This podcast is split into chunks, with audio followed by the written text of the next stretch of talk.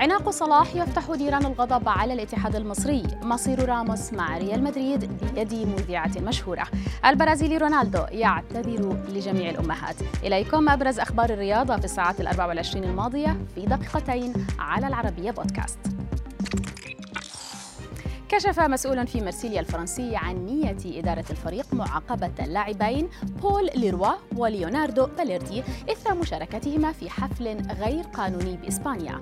هذا الحفل الذي كشفت تفاصيله الصحف الإسبانية أقيم في حديقة منزل داخل منتجع سياحي ببرشلونة. حضره أكثر من 33 شخصا وهو رقم يتجاوز القيود الصحية المفروضة لمنع انتشار فيروس كورونا. الشرطة المحلية أكدت أن مداهمة المنزل تمت بعدما تقدم الجيران بالشكوى على خلفية الضجيج الذي سمعوه عقب حلول موعد حظر التجول. عبر عشاق ليفربول الإنجليزي في السوشيال ميديا عن استيائهم من الصور المتداولة للمصري محمد صلاح وهو غاضب من محاصرة المشجعين له داخل الملعب دون وجود أي حماية له أو لأي لاعب آخر من منتخب الفراعنة عقب مباراة جزر القمر تلك الصور ألقت بظلالها على واقعة سابقة عندما حضر لاعب ليفربول الإنجليزي حفل زفاف شقيقه وتسبب الأمر في إصابته بالفيروس وغيابه عن مباريات ليفربول. one.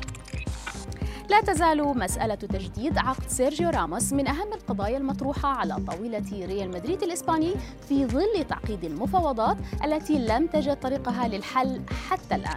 ووفقا لشبكة إسبانية فإن كلمة زوجة قائد الفريق الملكي بيلار هي الفاصل في تحديد وجهته وجهته حيث تجد الزوجة والمذيعة المشهورة في مدريد أفضل خيار لها ولعائلتها ولا تحبذ تغيير مكان عملها أو إقامتها.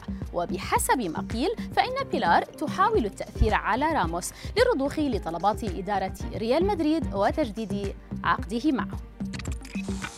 اعتذر البرازيلي رونالدو لجميع الأمهات اللواتي عانين من تقليد أبنائهن لقصة شعره الغريبة في نهائيات كأس العالم 2002 أسطورة السامبا كشف في حوار مع مجلة أمريكية أنه أراد بتسريحته التي وصفها بالمريعة إشغال وسائل الإعلام البرازيلية بها ونسيان أمر إصابته وهو ما تم بالفعل حيث استطاع خطف الأنظار وقتها بقصته الغريبة وبأهدافه الثمانية التاريخية التي أمنت اللقب العالمي الخامس لراقصي السامبا. الختام مع شعار إنتر ميلان الإيطالي الجديد الذي أزيح الستار عنه اليوم عبر حساباته الرسمية على السوشيال ميديا. صور الشعار الجديد كما ترون سيتم وضعه على القمصان بدءا من الموسم المقبل ويحمل عنوان اسمي هو قصتي هذا الشعار هو الرابع عشر للنادي في تاريخه الممتد ل 113 عاما.